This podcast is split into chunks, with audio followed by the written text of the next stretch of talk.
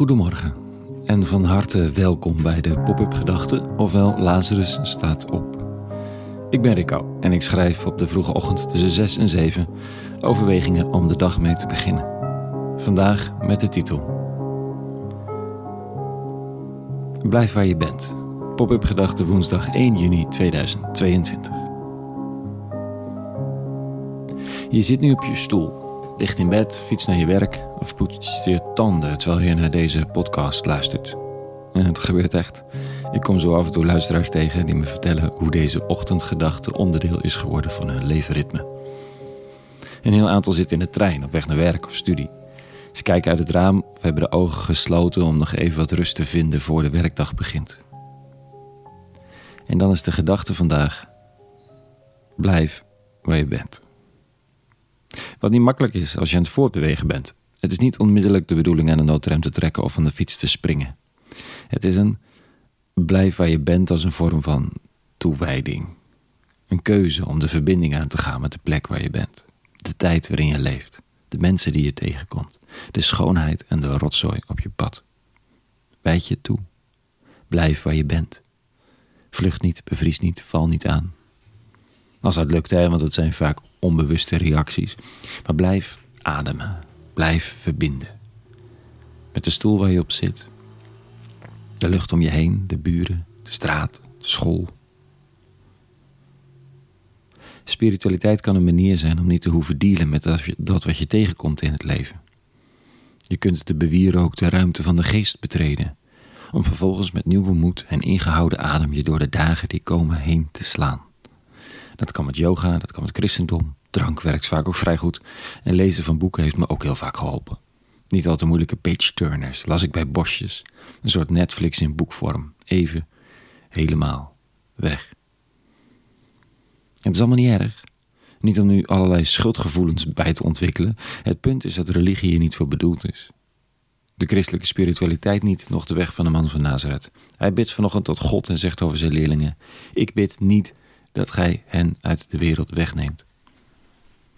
Maar dat gij hen bewaart voor het kwaad. Ze zijn niet van de wereld, zoals ik niet van de wereld ben, maar wijd hen toe in de waarheid.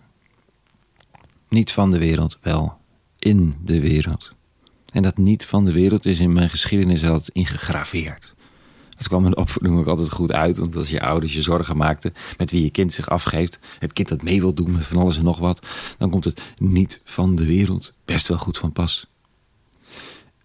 Toch lijkt deze tekst niet bedoeld om wereldvreemde types te creëren.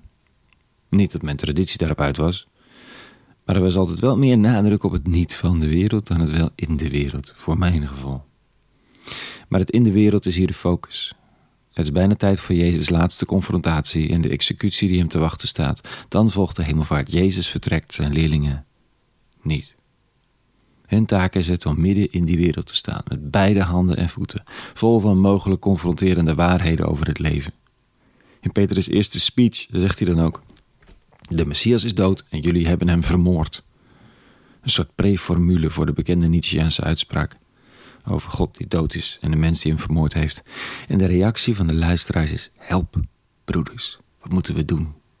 Waarop hij hen allemaal met doopt en uitnodigt om zich net als zij toe te wijden aan, de gezamenlijke handen, aan het gezamenlijke handen en voeten geven van Jezus op aarde. Dat is Pinksteren. Dit weekend. Hm.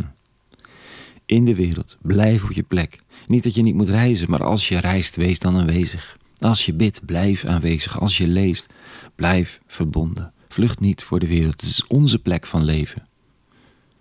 Verweer je slechts tegen het kwaad, want dat is ten diepste wezensvreemd aan deze planeet. Ook al zou je het niet denken.